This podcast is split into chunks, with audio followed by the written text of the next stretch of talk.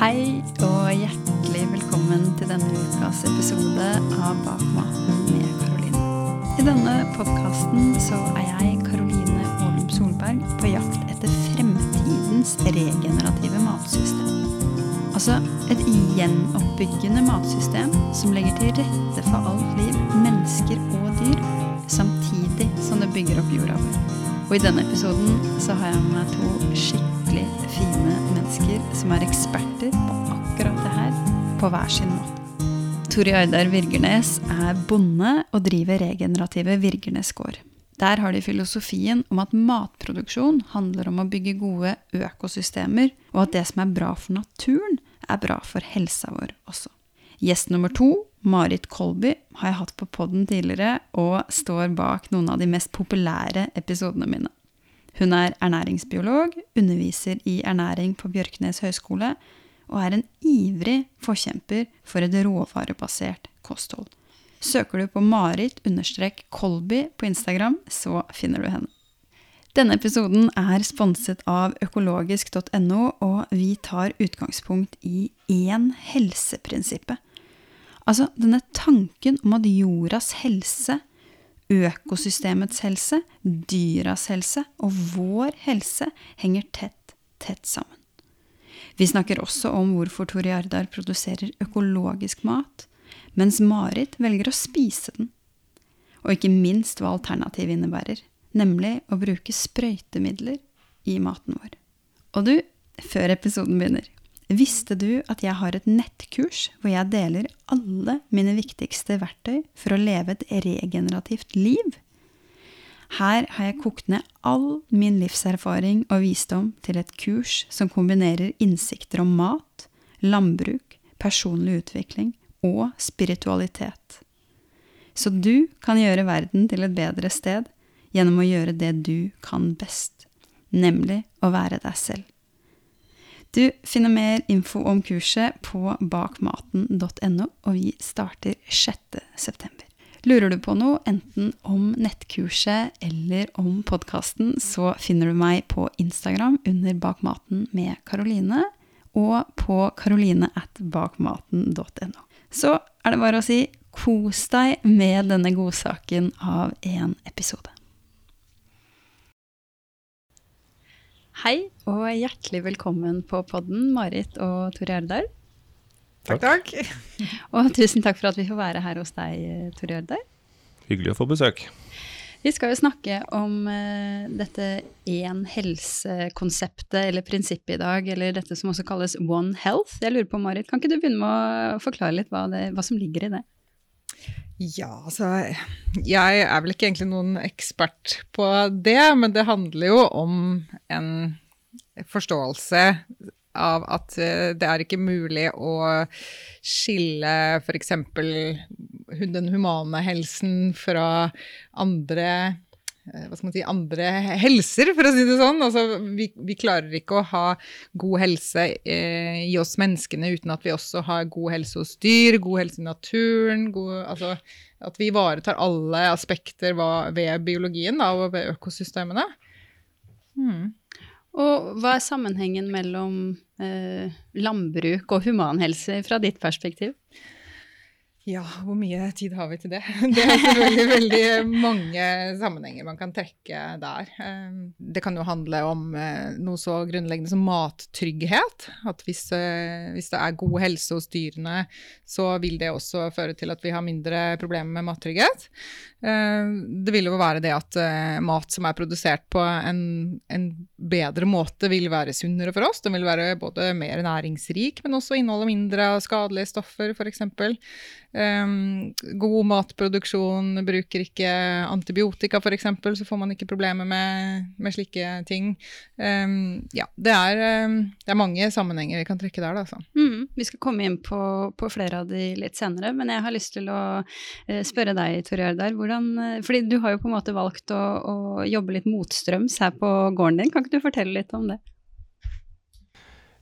Altså, det har vært en kjempereise da, for oss. Um, men eh, eh, jo mer en har forstått av det som holdt på å si, skjer under beina våre i jorda, og eh, i hele økosystemet på gården, så eh, har ting på en måte blitt satt liksom på plass, da. Vi eh, har eh, vært ute på åpent hav og så endelig liksom klart å ro i havn en del, en del eh, knuter som vi har sett eh, i, i den måten vi har praktisert på. Og hva er det? Hvilke knuter snakker du om? Nei, altså det eh, Vi har nok ikke vært på lag med naturen, da. Eh, og det har kanskje gjort at vi har eh, måttet brukt mye mer ekstra ressurser. eh, tid, penger, eh, for å få til eh, løsninger som egentlig ikke er så bra. Og så går tida også, For det, det tar litt tid å forstå alle disse prosessene. Og egentlig, når, når jeg liksom tar dette her i, i baklengs, så er det jo Altså egentlig så er det fryktelig enkelt. Men eh, når du har den helt tradisjonelle bakgrunnen Som du har? Ja, jeg har jo en konvensjonell, sånn klassisk, sånn som alle andre bønder da ofte eh, har, i hvert fall i området her. Det er poteter, korn. Eh, og vi har på en måte gjort det sånn som vi har lært av våre foreldre igjen. Altså Jeg forsto det ikke til å begynne med, at uh, de løsningene vi praktiserer, de uh, Når du på, på en måte får det inn i et uh, system, så, så, så ligger brikkene mye mer på plass. Um, og når du har forstått dette her sånn, f.eks. Eh, at du får biologien, mikrobiologien tilbake i jorda di, så behøver du ikke du behøver ikke pløye jorda, bruke masse ekstra mm, olje og diesel på dette her sånn. Em, du behøver ikke eh, eh, drenere på den måten som vi er vant til, fordi at pakkeskadene er Altså, jorda er ødelagt, da. Det er liksom utgangspunktet. Jorda vår var ødelagt, men nå bruker vi naturen til å reparere den. Og når jeg sier naturen, det er kuer, griser, høner eh, og en, en sånn vanvittig eh, bukett av forskjellige frøsorter og planter vi har ute her. Men kan ikke du dele litt hvordan det å bruke natur, eller det å bruke dyr, som du skisserer her, er annerledes fra det, det å bruke eh, plogen, sprøytemidler og kunstgjødsel? Ja, og, og det, det satt jo litt inne for å forstå det, at eh, eh, den plogen som vi har på en måte lent oss til i alle år, den, den er litt eh, Ja, den var til sin tid, um, og nå forstår vi at vi eh, vi f.eks. Eh, frislipper eh, karbongasser når vi driver og pløyer, men vi også ødelegger eh, alt, all den eh, mikrolivet som er i jorda. Og så kan du jo snu på det, ikke sant? Eh, når du har biologien på plass, så kommer også næringstilgangen til de plantene som du kanskje skal høste, eller til de dyra som skal spise dette her fram. Og du er på en måte lost da, i en sånn typisk konvensjonell eh, system. Ved at du, ok, jorda di er pakka i sønder og sammen. Eh, Du må bruke kunstgjødsel for at næringene, eh, plantene skal ta næringa. Du må sprøyte dette her sånn, for det, altså, sopper og alt er jo enten fraværende eller i gedigne mengder.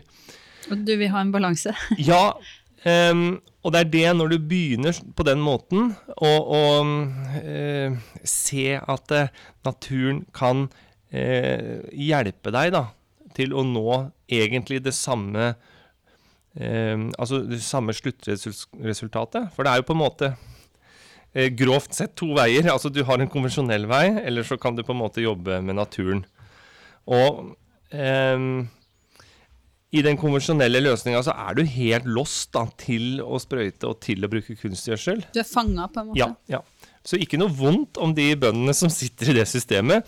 Men eh, Og det tok litt tid for meg, altså sånn helt generelt i økologisk, og så er jo plauen, plogen, er liksom det er hoved... eh, Det er den vi bruker. Eh, og, og det å kutte ut plogen i landbruket, i økologisk landbruk, det er jo liksom Oi, nei, det går ikke. Altså, det, da blir det ugress, da. Da blir det dårlige avlinger.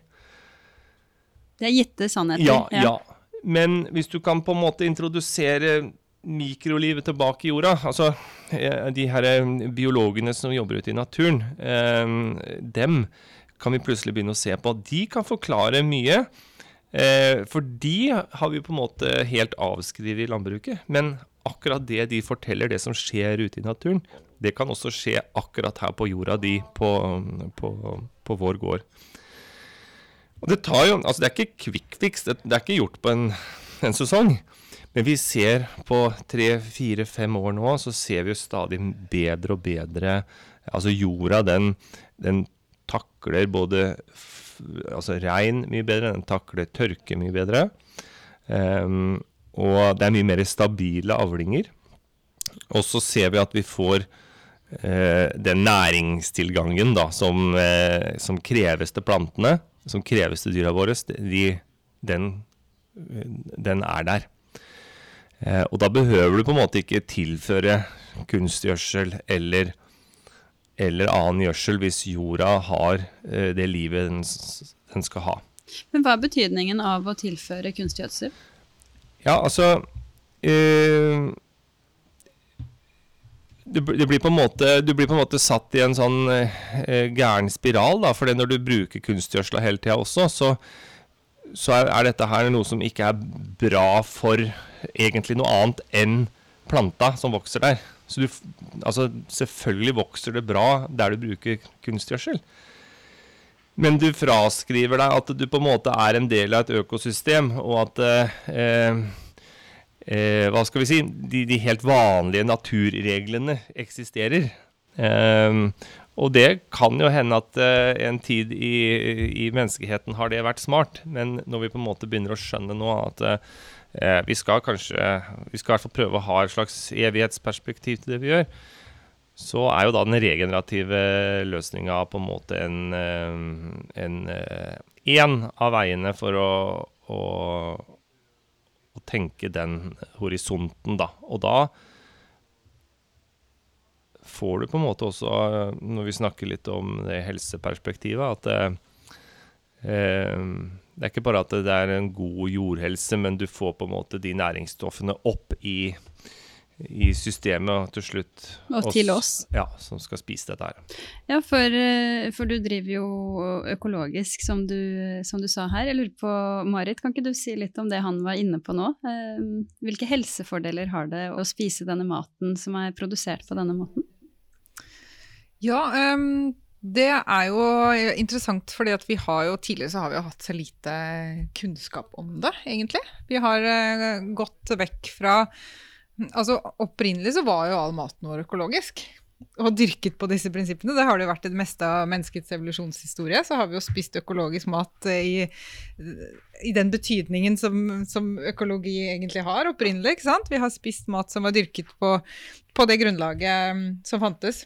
Uh, uten tilførsel av noe annet enn uh, f.eks. dyregjødsel og, og slike ting da, som man tok i bruk. Eh, men så på et tidspunkt så ble jo maten vår konvensjonell, som betyr vanlig. Som da jo egentlig var uvanlig i det lange perspektivet. Um, men så er problemet at vi har jo egentlig ikke systematisk samlet data. Så vi er jo avhengig av at vi har studier som kan fange opp denne forskjellen mellom konvensjonell og økologisk mat. Og, og, det har vi jo tradisjonelt ikke hatt. Fordi at. For disse store befolkningsstudiene da, hvor man spør folk hva spiser dere, og så følger man det opp over tid eh, og ser hva slags eh, helseproblemer osv. de får. Eh, de har jo f.eks. ikke hatt spørreskjemaer som, som, skiller mellom økologisk og konvensjonell mat. Så da har man ikke kunnet vite eh, Hvis man ser en positiv helseeffekt av eh, frukt og grønt f.eks., hadde det hatt noe å si om den var konvensjonell eller økologisk. Eh, og etter hvert så har vi jo fått flere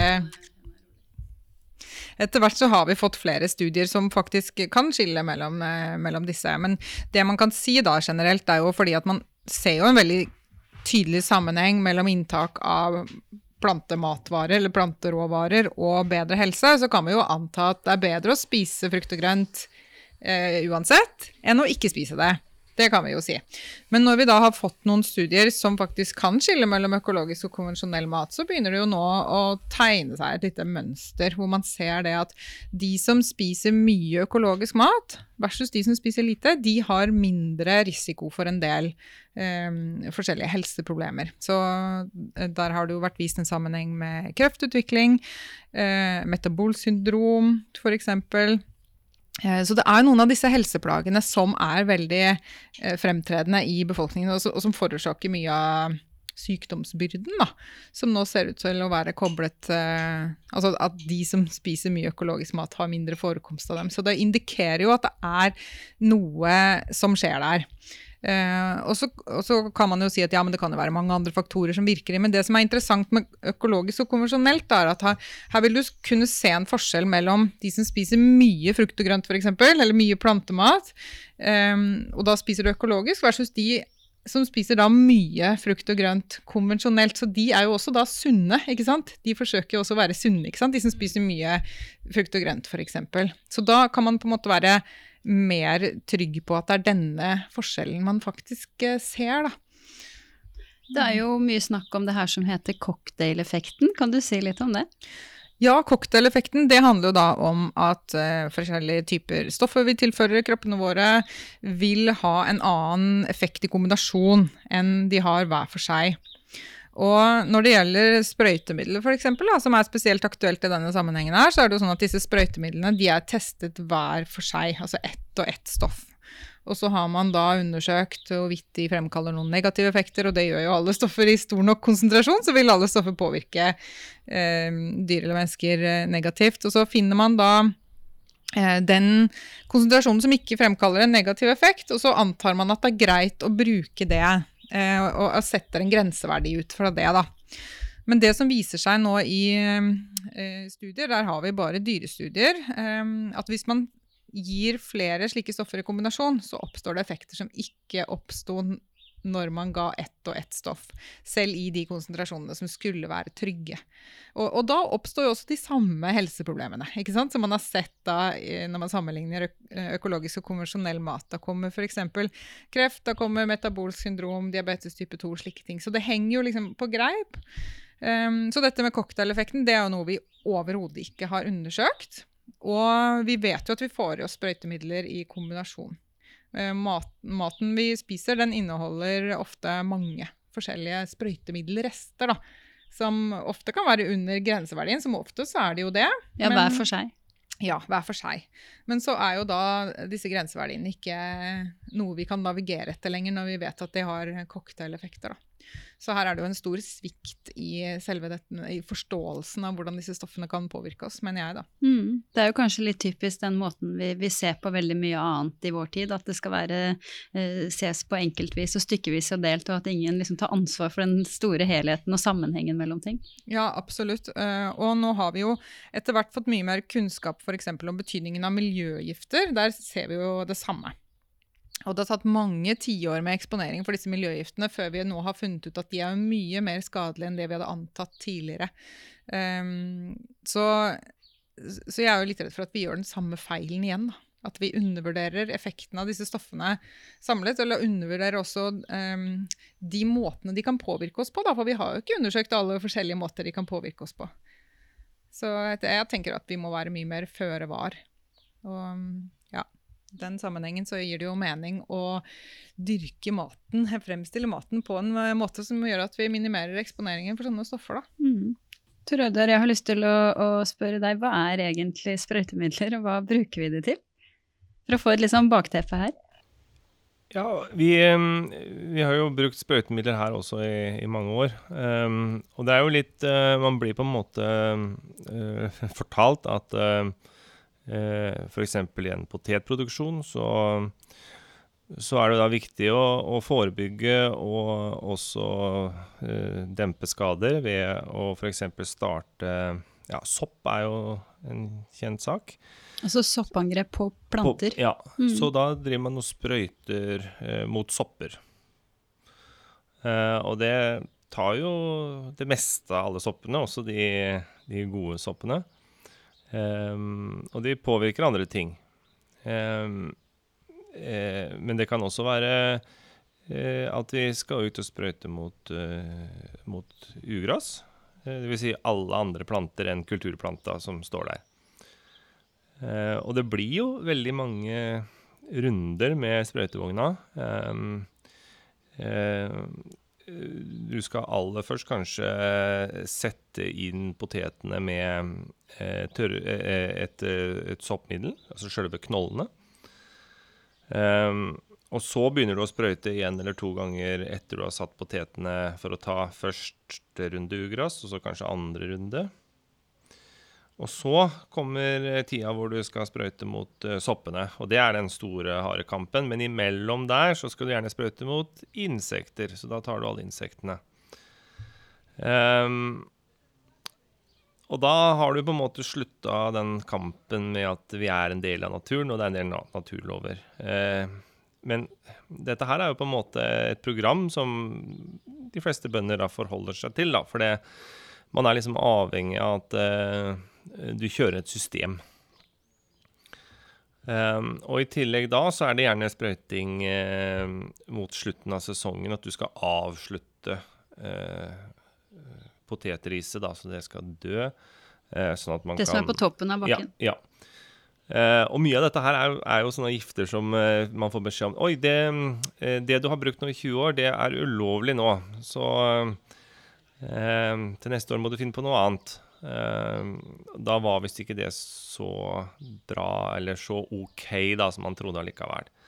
Og sånn er det jo sånn gjentagende ofte. Um, og det, det, går jo hardt utover det økosystemet du har der. Du får på en måte en veldig sånn monoton uh, produksjon. Um, og det gjør jo at du da på en måte også tar litt kverken på det jordlivet under, så du er jo også da avhengig av kunstgjødsel oppå dette her. sånn. Det er jo effektivt. Du slipper å ha husdyr, og du slipper å eh, Du slipper å skape deg et system. Eh, du slipper å forholde deg til naturen, da. Ja. ja. Ja, fordi den måten du driver på som er eh, regenerativt, så handler det vel egentlig om å invitere naturen inn. Ja. Helt motsatt. Ja. Mm. Det tok veldig lang tid før jeg forsto at naturen er en del av gården. Um, og når, når, jeg begynte å forstå de tinga, så gikk ting mye enklere. Og, og, det er på en måte en dimensjon her. Um, Eh, og det er jo også en del resultater på at eh, har du på en måte eh, den jordhelsa i hevd, så får du eh, gode, sunne planter, og du får på en måte kjørt næringa rette veien. Eh, masse bieffekter som vi kunne snakka lenge om. Um, ja, for det var egentlig neste, neste spørsmål mitt. Hvis vi skulle komme litt inn på dette med bondehelse, hvilke, hvilke effekter eh, fra ditt perspektiv har det for, for bonden å liksom sprøyte så mye? Jo, um, altså, altså, Faren min sa jo alltid det at når du, når du overtar, så må du slutte med den sprøytinga. Og han, han sto jo med hånda nedi sprøytetanken og, og snurra rundt og, og snudde seg liksom når han holdt på. Man skulle bruke fullt verneutstyr og alt dette her, men det var jo egentlig ingen bønder som gjorde, mer eller mindre. Um, faren min han, altså han, har jo satt litt preg på den veien vi har tatt, for det um, uh, Altså, han ville jo at vi skulle drive økologisk, men han fikk det ikke til sjøl, fordi han satt i det systemet. Eh, det som var litt spesielt, syns jeg, da, i hvert fall ettertid, det var at uh, han fikk jo da um, lymfekreft. Um, som er da en sånn En av de veldig få sykdommer bønder får, faktisk. For er, vi, er, vi, har egentlig et veldig bra immunforsvar. Det er sunt å bo på landet. Bortsett fra den her sprøytinga som bønder blir påvirka av, i hvert fall i løpet av mange, mange år. Selv om du på en måte er forsiktig, så får du, du får litt av dette her i deg. Og det var en uh, sak da den dagen han, død, han ble begravd uh, i Nasjon. Og det, det, har liksom, det, har bare fulgt meg i ettertid, at det har kanskje også gjort noe rett. Uh, at um, det var en sak da om at bønder var liksom De kom verst ut med lymfekreftstatistikken. Han døde ikke av det, men han hadde fått det. Um, og ja, det har kanskje fulgt oss her på gården, sånn at vi har tatt noen andre valg enn det vi hadde gjort ellers, da. Men, men det eh, Etter hvert da, som på en måte eh, du bruker naturen der ute, så ser du på, også hvordan ting hjelper deg. Eh, og jeg, jeg, så et forsøk en gang. Det var, det var Jeg husker ikke om det var blomkål eller hva det var, ja. men det er jo litt av dette som skjer i kroppen. Jeg syns det var så fint, for der, der hadde man to eh, Jeg tror det var i Rodale, ja, de har en del eh, forsøk på dette her. sånn. Der var det to helt identiske åkre, hvor den ene var sprøyta, den andre var eh, eh, eh, ikke bare økologisk, men var på en måte den perfekte jorda med alle soppene intakt og dette nettverket nedi jorda som du vil ha på plass. Og så blei det introdusert eh, Om det var en sopp eller eh, noen insekter, eh, husker jeg ikke. Men eh, der det hadde vært sprøyta, så eh, Så døde den ene etter den andre planta bortover. Mens der som jorda var intakt, så døde den første planta, og den andre var litt skadd. Men så er det et eller annet at de kan kommunisere ned i jorda eh, når alt er intakt. Så de andre starta jo da med å eh, sette i gang forsvarsmekanismer og lage antistoffer og sto imot dette her, da. Eh, og, og sånne ting som det er Det er litt det vi jobber med, da. At eh, er alt på plass, så eh, klarer vi på en måte å stå imot eh, eh, litt av de utfordringene som er i landbruket. Det er den ene delen av det. Det blir mer robust. Ja. Mm. Det er jo veldig interessant da, at man, når man lar naturen få lov til å jobbe, og, og ser hvordan biologien kan fungere, altså man ser sånne ekstremt sofistikerte systemer sånn som det der, så vi totalt har undervurdert, tenker jeg da, både i, i jordbruk og matproduksjon og humanhelse og hele veien. Jeg har lyst til å komme litt tilbake til disse potetene du snakka om i stad, som du fortalte hvor eh, mye blir sprøyta da, i løpet av en sesong. Eh, og potet er jo den grønnsaken eller den eh, rotfrukten som det blir funnet mest, eh, mest eh, rester av sprøytemidler i. Kan ikke du si litt, Marit, om, eh, om eh, om hvilke Hva som på en måte er trygt å spise, og hva som ikke er trygt å spise, hvis man skal liksom følge litt sånn eh, retningslinjer. Ja, det er neimen ikke så lett å si noe veldig klart om det. Det er jo mange forskjellige organisasjoner eller instanser som har prøvd å utarbeide noen sånne lister sant, om uh, hva er det som er mest sprøytemidler i, og hva er det som er minst. Og det vil jo, dette vil jo variere uh, ettersom hvor vi befinner oss i verden, hva slags praksis er det, hva slags eh, stoffer er lov til å bruke, når er man lov til å bruke dem osv. Så, videre. så Så her vil det for det første variere mellom norsk produksjon og import. Og jeg vet ikke hvor mange konsumenter som egentlig leser på pakka med poteter. Er de norske nå, eller de, hvor kommer de fra? Og som da reflekterer noe om hvorvidt det er forskjell på de stedene. Så det er jo det ene, ikke sant. Eh, vi vet generelt at det er eh, litt mindre sprøytemiddelrester i norskproduserte matvarer enn i importerte, sånn generelt. Men det er sprøytemiddelrester i norskproduserte matvarer også. Eh, noe av det vi vet sprøytes mest, altså flest ganger gjennom sesongen i Norge, det er Altså jordbær er jo verstingen. Absolutt det verste. Eh, og så er det også veldig mye sprøyting av bringebær og en del eh, blåbær. Mye av de kommer jo da fra import, men jordbær og bringebær kommer jo ofte fra norsk produksjon. Så sprøytes epler mye, og poteter mye, og eh, også korn. Uh, også disse oljevekstene. Det er liksom da de som Raps, for eksempel. Ja, for eksempel. Mm. Det er noe av det som sprøytes flest ganger gjennom sesongen. da. Hvor, og, hvor man ser at en størst andel av jordbruksarealet blir også sprøytet. Så det Fra den norske produksjonen så er jo det uh, ja, noen av de kanskje de største kildene vi har til sprøytemiddelrester, da. Uh, eller sånn fra import så er det jo veldig mye sprøytemidler i sitrusfrukter. Eh, det er jo noe å tenke på hvis man skal Altså, gir barna klementiner til, til, jul, eh, så vet vi ikke helt hva som sitter på fingrene deres etterpå. Um, eller hvis man bruker appelsinskall eller sitronskall i oppskrifter osv. Altså, de sprøytes så mye at hvis du har sitrusskall i komposten din, så stopper det hele komposteringen, fordi det er så mye soppgifter på skallet for at ikke det skal um, mugne da, ikke sant? når vi tar det inn i, i hjemmene våre. Så der er det veldig mye bruk av det. Det sprøytes også utrolig mye på druer. Så det betyr at både i druer til spising, eh, rosiner og i vin, så er det mye sprøytemiddelrester.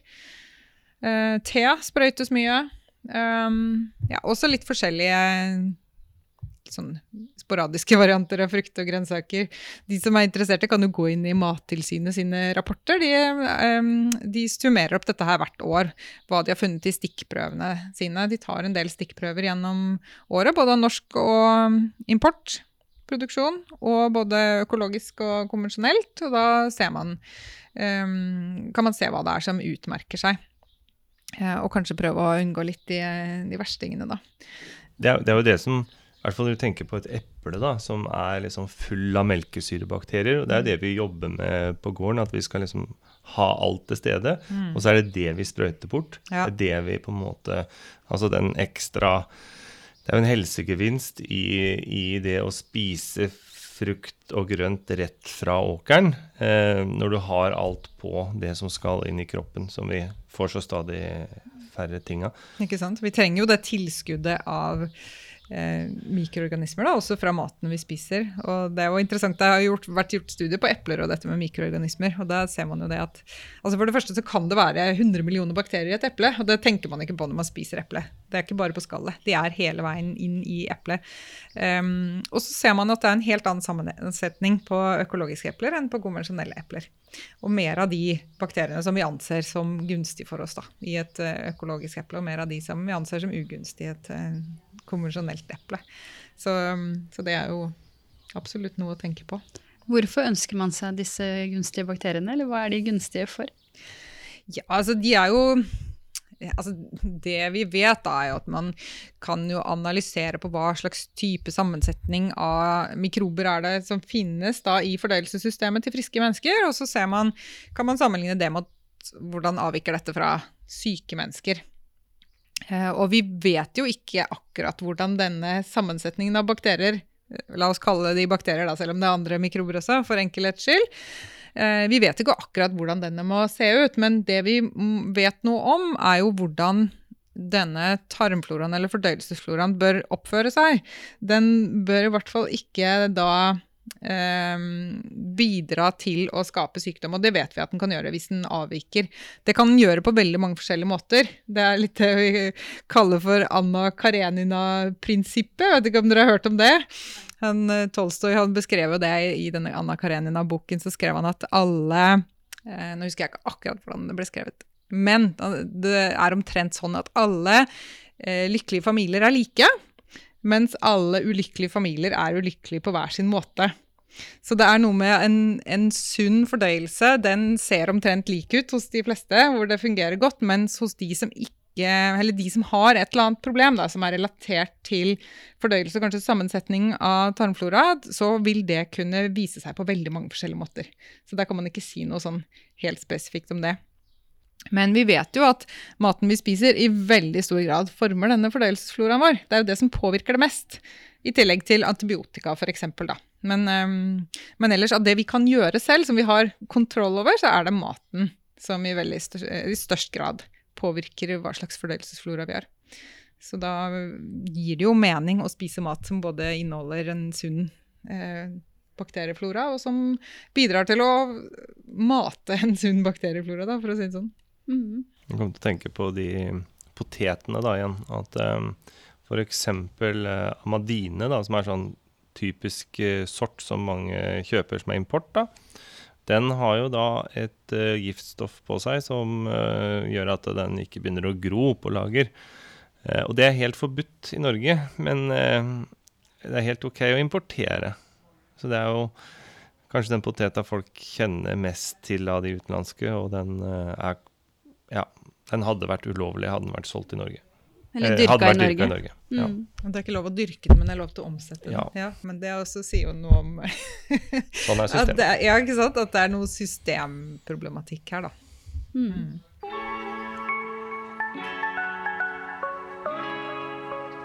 Jeg har lyst til å, å, komme litt tilbake til dette med økologisk eh, landbruk. For du har jo økologisk eh, landbruk i bunn men har valgt å ta det enda litt lenger, på en måte, og gå over til eh, regenerativt. Kan du si litt om hvorfor, eh, hvorfor du liksom så behovet for å, å, å, ta det enda lenger? Hva, hva er det liksom økologisk mangler, sånn som du ser det? Det er et par huller i økologisk landbruk eh, som vi har plundra med i mange, mange år. Altså i, re eh, i, regelverket, tenker du på? Eh, nei, jeg tenker på generelt. Altså Det ene er at vi bruker jo plauen eh, Den er liksom hovedredskapen til en eh, økobonde. Eh, og det, eh, det, det det er utfordrende. Og det er også utfordrende at man kanskje noen ganger ikke klarer eh, samme produksjon, altså klare samme volum på produksjonen vår. Eh, men det her henger ofte litt sammen. Ehm, eh, hvis du klarer å få tilbake eh, og restituere jorda di, så klarer du også å ha mye mer stabile avlinger. Så er på en måte den eh, case closed. Um, Eh, er, hvert år er forskjellige, men, men eh, du, du, har på en måte en, eh, en mer eh, balanse i det.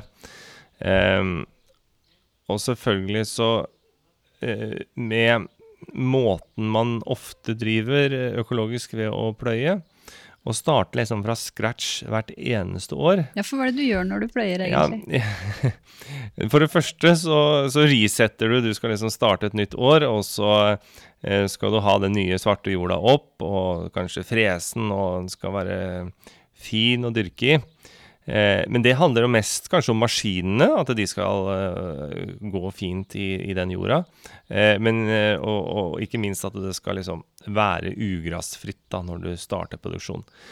Og der er jo plauen ganske fint, for du snur liksom hele jorda di. Kanskje du har et kvekeproblem, og så bare vips, så har du snudd den på huet og fått den et annet sted. Altså ugress? Ja i, i, i jorda. Og eh, timer du det riktig, så funker det eh, forholdsvis greit. Men kommer det litt skeivt ut, så, så, har du et kjempeugressproblem. Um, og dette her er liksom litt sånn naturen, altså suksesjon i systemet. altså det, Naturen, eh, når det er svart jord, så er liksom Det er egentlig ugressplantene som er de første som prøver å etablere seg der sånn. Um, har du en pakkeskada jord, det er ugraset som har lyst til å etablere seg. Um, men hvis du snur på det og, og får um, jorda i hevd igjen, så er det egentlig først og fremst kulturplantene som vil like seg der. Uh, og så har du Altså matplantene våre? Ja, matplantene våre. Um, det er den som vil like seg her da. Og så forsvinner stadig eh, mer og mer av ugraset vekk. Um, og over en viss periode, vi merker det allerede, det blir mindre og mindre ugras. Så på en måte så har man da knekt uh, den ugraskoden som man uh, ofte har i, i, økologisk landbruk, som er et uh, evigvarende tema. Altså man må jobbe, jobbe, jobbe, jobbe med dette her. Og man på en måte kan klare å, å, å, å ha en god avling på det vi produserer.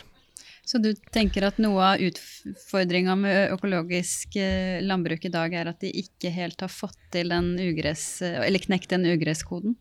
Det, det, er, det, er, mange Altså hver bonde har sine utfordringer. Men, men det, er, det, er, en par gjengangere i dette her. Eh, men det som egentlig var hovedgrunnen vår altså Det her var en bieffekt, at vi så at vi fiksa disse problemene. Hovedgrunnen vår til å endre oss det er jo For det første så er jorda vår ødelagt. Som overalt så er jorda Altså, den er full av pakkeskader. Eh, og det er ikke, det er ikke Altså, du klarer ikke å, å ha eh, disse avlingene som vi ønsker oss, over lengre tid lenger. Så du er nødt til å begynne å reparere det. Og så er det hovedproblemet er at eh, vi merker klimaendringene. De merker vi nå. Eh, sånn, faren min kom stadig her og sa at ja, hvert åttende år så må du regne med at da, da blir det flom. Nei, det er flom annethvert år, er det nå. Um, og det er ganske store flommer. Uh, og når du da får hele avlinga di rent ut i elva, og uh, du må begynne forfra, forfra hele tida, så skjønner du at oi, det her, det her går jo ikke. Eh, vi må dekke den jorda til med noe. Og det er også på en måte en av hovedelementene i regenerativt landbruk, at det alltid er noe som gror der. Altså du har ikke den svarte jorda. Eh, og når du alltid har noe som gror der, så tar du vare på det mikrolivet som er under. Det er, det er ikke åpen, svart jord. Eh, og i tillegg så har det en sånn effekt at vi kan være litt sånn klimahelter da, som, som bønder. At vi kan fange eh, CO2-en og få den ned i jorda. og det er helt gratis, og det er helt Altså det er massevis med bi gode bieffekter i agronomien. men så hjelper vi litt til med disse klimaendringene som vi er midt oppi, og som eh, gjør at vi da er rusta den dagen det er tørke, eller den dagen det er flom. For det er jo kanskje det aller viktigste, at jorda vår eh, har, har, økosystemet sitt tilbake, sånn at den takler både flommen og tørka. Og det ser vi jo. Men hvordan, Kan du forklare litt mer hvordan det henger sammen, det her med å, å binde karbon eh, ved å ha, et, eh, ha jorda dekka? Ja. Um, vi må ikke ha månelandinger, og vi må ikke investere milliarder i utlandet. Vi kan fikse dette her sjøl, og det er så lett. Det er liksom Det er fotosyntese, det er karbonkretsløpet. Det handler om at plantene eh, ved hjelp av gode rotsystemer eh, suger karbon ut av lufta og, og ned til jorda og ned til mikroorganismene som lever der nede. Som igjen gir næring til plantene, så man på en måte har et sånt kretsløp da, i dette her. sånn. Eh, men det krever at vi kanskje ikke pløyer så ofte som vi gjør. Det krever at vi er forsiktige med sprøytemidler og kunstgjødsel, og det krever at vi eh, får biologien tilbake. Men med tanke på det med at vi holder jo på med å bruke opp matjorda, mm. uh, har jeg jo lest. Jeg husker ja. ikke akkurat hvor mange sykluser det er estimert at vi har igjen, men det er jammen ikke mange. Nei. Hva tenker du om har, man, e- har vi egentlig noe valg, da? Med å endre til en annen driftsform?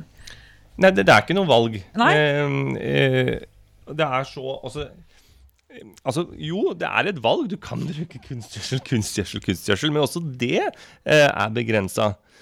så Eh, det er en annen måte som på en måte ikke koster oss noen ting, eh, men som bare krever at vi risetter jorda vår, og så får den, får den i gang igjen. Eh, og da, da, har du jo, da har du landbruket et evighetsperspektiv. Og da har du alle de næringsstoffene i den eh, syklusen som vi ønsker oss.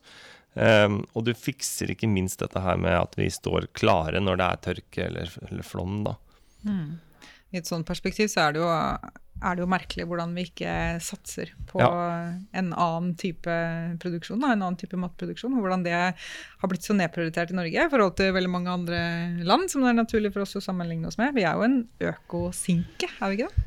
Ja, så produserer vi billig kunstgjødsel òg. Ja, er kjent, kjent, for det. Det kan jo hende at det er en viss sammenheng der, jeg vet ikke. Men, men, men det, vi, vi, er jo veldig nøye på det nå, at vi, eller i hvert fall snakker mye om det, at jorda skal tas vare på. Det er, det er, jordvern er liksom høyt oppe. Men det er veldig få som snakker om eh, faktisk eh, vern av livet i den jorda. Eh, for det blir på en måte snakka om jord som et, et vekstmedium. Eh, og i sånn litt ekstremt så kan du også dyrke mye i Rockwool. Eh, ting gror når du får det intravenøst. Men eh, hvis vi skal sikre oss, og vi veit jo at eh, ting er ikke Altså Alt kan skje, eh, og vi må, må, på en måte være litt eh, klare for for en framtid som krever at vi har jorda vår på stell, da. Mm. Både den tørkesommeren for et par år siden og også covid-19-pandemien ja, har, ja. har, jo gitt noen vekkere med tanke på om kanskje vi burde prioritere denne selvforsyningen litt uh, høyere. Det kommer ikke av seg selv, da. Ja, jeg tror folk, folk har forstått det nesten mer enn politikerne ja. og, og, og, fagmiljøet, egentlig. Mm. Så det er jo viktig at vi pusher litt på dette her. Sånn at, um, for det, det, skal ikke så mye til. Men det er jo noe som jeg også erfarer, egentlig. Min formidling er at forbrukerne er tidligere ute, egentlig, med å snappe opp viktige endringer enn det fagmiljøet generelt er, faktisk. Og er mer mottagelig for, for nye budskap og nye perspektiver på ting. Så det er jo interessant at du sier det. Ja, det, vi merker i hvert fall som en andelsgård at uh, folk er virkelig med liksom, og løfter dette her, da. Det har jo vært ganske revolusjon. Når vi starta andelslandbruk, så var vi tredje gården i Norge. Nå er det jo snart 100. Uh, og så kommer Reko-ringen og alt dette her. Så det, er, det skjer jo en matrevolusjon uh, der ute.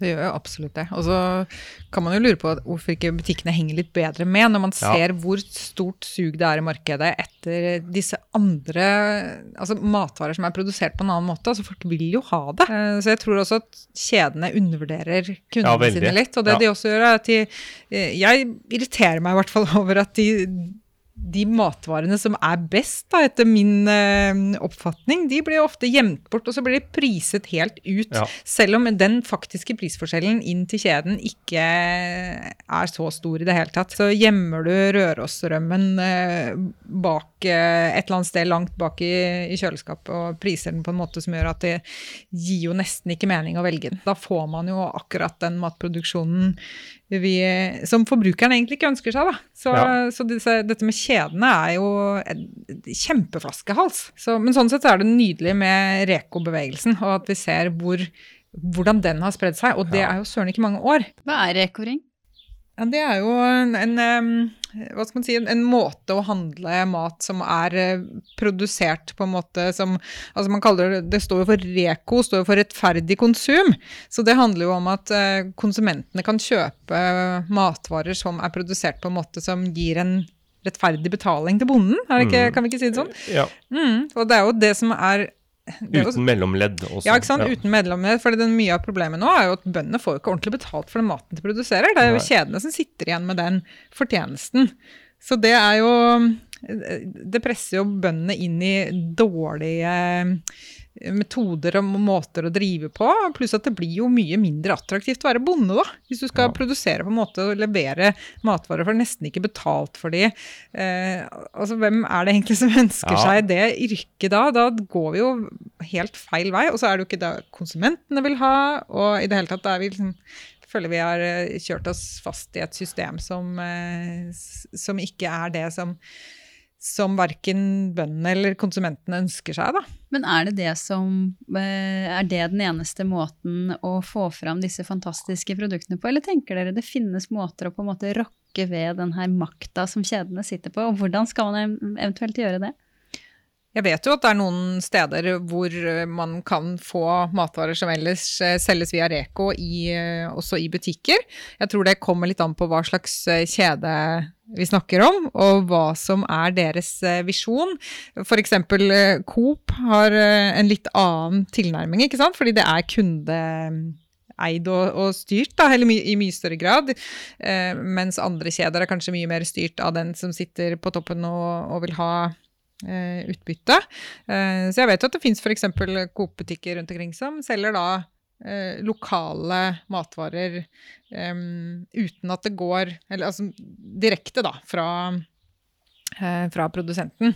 Så det er jo mulig å få dette inn i butikken også, men det handler jo da om vilje, ikke sant. Både at, man, at kanskje kjeden legger til rette for det, og at de kanskje også oppmuntrer til det.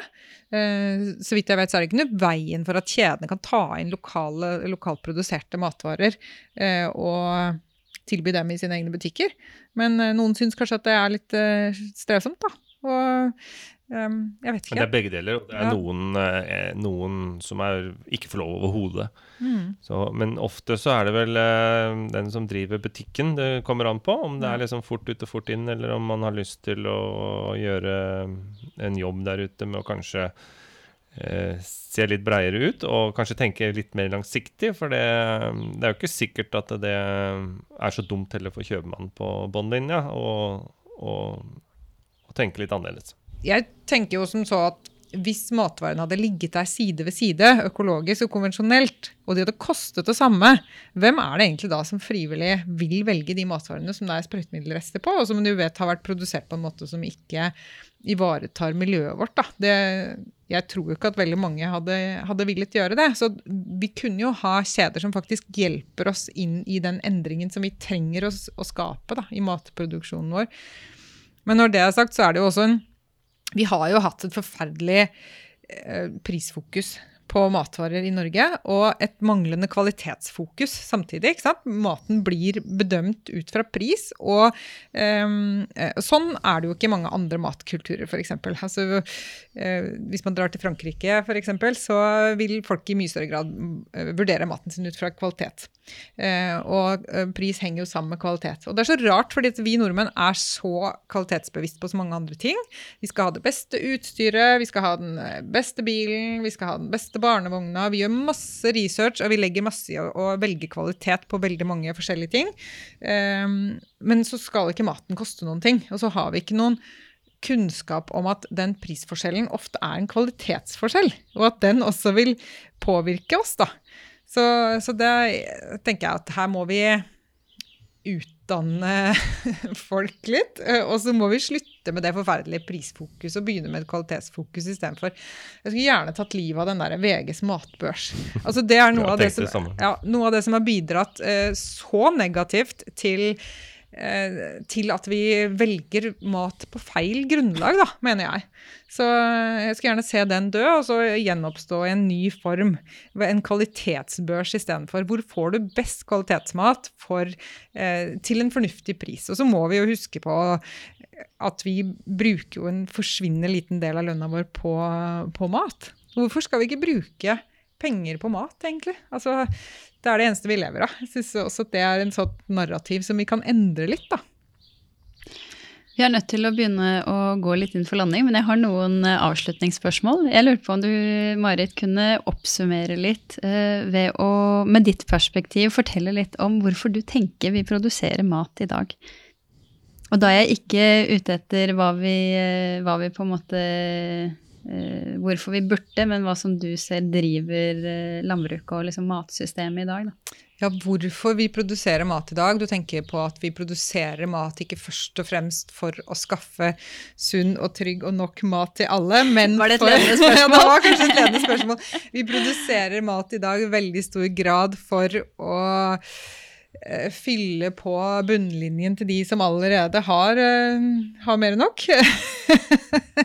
det er kanskje den uh, du tenker litt på. Det, altså, vi har jo heldigvis flere ting der samtidig, men det er jo ikke noen tvil om at mat si, matsystemet vårt i Norge er altfor mye styrt av kjeder som skal ha en inntjening. og at vi ikke først og fremst har et fokus på hvordan skaffer vi sunnest og best mat til befolkningen på en måte som ivaretar også landbruket og bøndene, og gjør det attraktivt å, å være bonde i framtiden. Dette er jo så, det er så sammensatt, det er så store ringvirkninger. Så det at vi lar de der eh, markedskreftene få lov til å styre i så stor grad, det syns jeg jo er Det er jo veldig synd. Eh, for det er så mye mer. Eh, og det er så mye positivt å hente. Det er så mye ringvirkninger også, som du snakket om. Der, at altså, du endrer noe, og så får du andre positive endringer som følge av det, som du kanskje ikke egentlig hadde sett for deg engang. Um, og sånn opplever jeg det også som forbruker. ikke sant? Og for eksempel når jeg begynte å handle på Reko og begynte å, å um, lete etter bedre mat, så har jo det også endret hvordan jeg bruker den maten. Uh, da går ikke det i søpla. Jeg verdsetter det mye mer. Jeg har mye mer livskvalitet ut fra maten jeg kjøper og spiser nå, enn det jeg hadde før. Så det er jo det, det, er, det, er, mye mer der som man kan oppdage hvis man begynner å lete etter de gode alternativene. Da. Og ja, løfte fram dem. Ja, for på den andre siden, hvorfor produserer du mat, uh, Tor Gjerdar? Jeg er veldig glad i mat, da. Det er, det er, det er liksom den største drivkrafta. Men, men Eh, det er, At det er langt i butikken? ja. Um, jeg, jeg, vil jo gjerne vise både folk og andre bønder at eh, det går an å produsere mat på lag med naturen og kanskje på en bedre måte enn det vi Eller helt sikkert på en bedre måte enn det vi har gjort nå. Um, og um, i det evighetsperspektivet vi skal leve i, da, så, så er, det, er, det, viktig både for dyrehelsa, for eh, naturen, for, for eh, bondens helse og for deg og meg som spiser maten. Så smitter alt dette her sånn eh, når vi gjør det på riktig måte, og det, eh, det er jo viktig å få fram og få ut. Og, sånn helt avslutningsvis, for å oppsummere, hvordan ser et, eh, et regenerativt matsystem ut for deg, Tor Jørdar? Oi. Um, ja, for det er jo på en måte Holdt på å si det er uh, Maten er jo nesten uh, biproduktet av, av, det å drive et økosystem. Uh, men, men det som Det som i hvert fall jeg Eh, eh, legger vekt på, det er jo selvfølgelig når man har produsert maten og, og, du har hatt den respekten for naturen, så skal også dette her være hel ved ut til forbrukeren.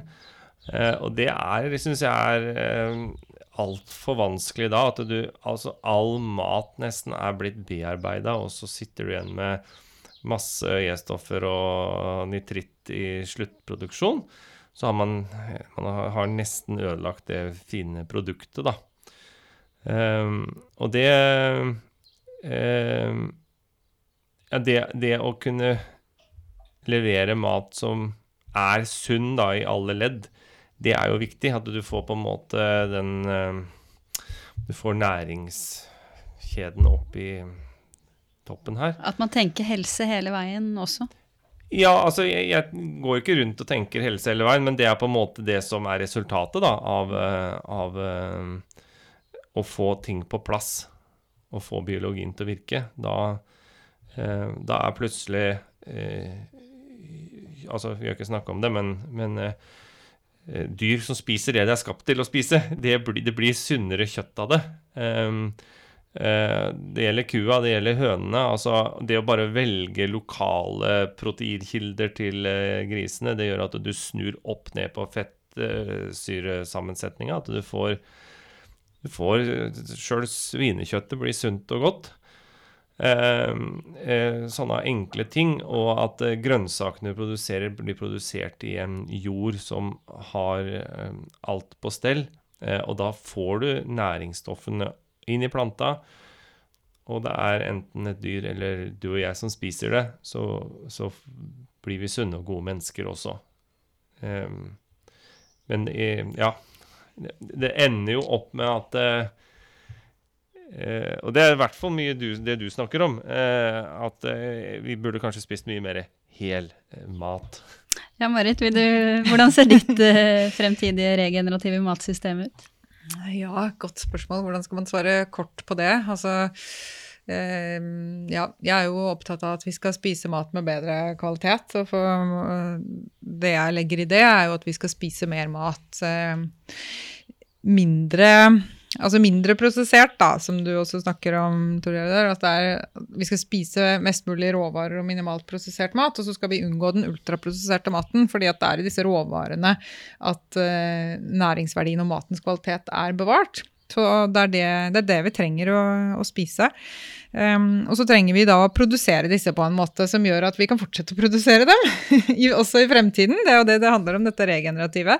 Um, og produsere dem på en måte som gjør at ikke vi også introduserer skadelige stoffer for oss. Og, da, uh, og, og, på en måte som gjør at vi kan ha fremtidig matproduksjon i Norge. At vi kan ha bønder, vi kan ha selvforsyning osv. Og, så og vi kan bevare både mattradisjoner og kulturlandskap og alt det der vi trenger å, å ta vare på. Da.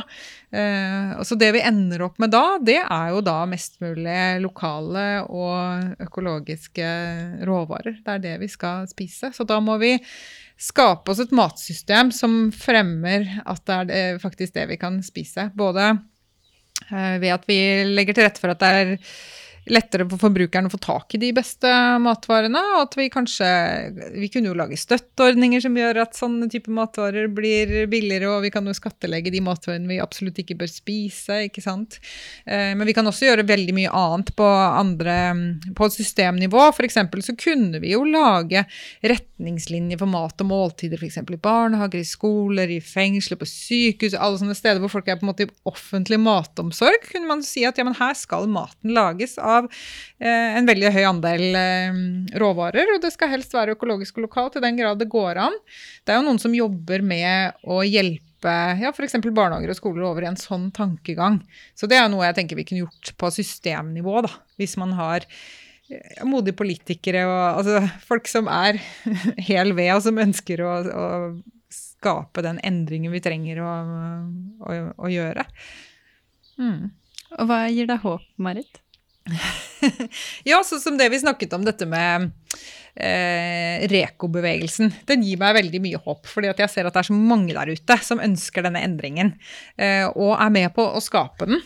Eh, og så ser jeg at eh, vanlige folk, vanlige forbrukere, har masse interesse for disse gode endringene som vi trenger å, å skape. Så nå trenger vi egentlig bare at systemet, som henger langt etter, blir med på å, å gjøre dette, eller skalere dette her opp. Da. Så ikke det bare handler om ildsjeler og, og, og pionerer, på en måte, men at vi kan få skalert opp, sånn at eh, det kan, dette kan bli si, det som, som, definerer eh, kostholdet vårt eh, fremover. Da. Så jeg er fullstendig klar over at det kanskje er en, en, lang vei å gå, men eh, jeg, jeg, ser at det er positiv endring som kommer nedenfra. Så, så det gir meg masse håp.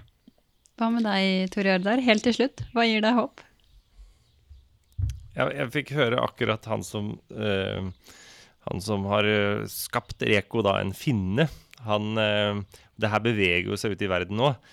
Eh, han hadde akkurat vært og besøkt Island, og dette her er blitt en kjemperevolusjon på Island.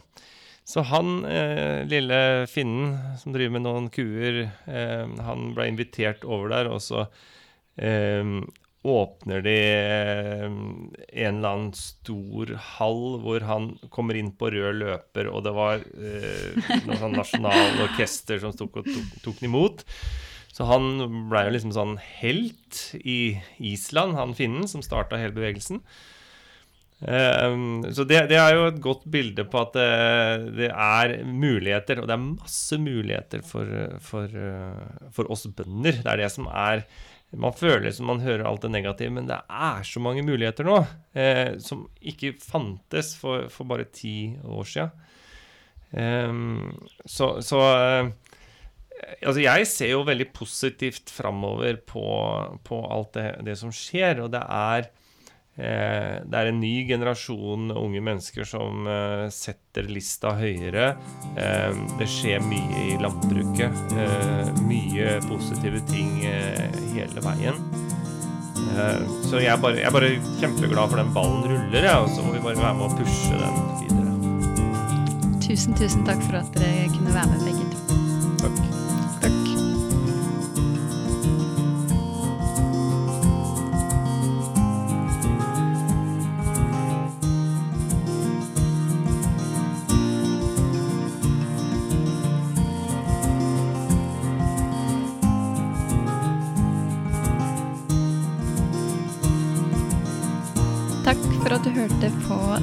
episoden som er laget av meg, Karoline Aalum Solberg, med midler fra økologisk.no. Musikken er produsert av Creo og Lyro Sever. Lurer du på noe, så husk at du finner meg på Instagram under Bakmaten med Karoline og karoline.bakmaten.no. Vi snakkes.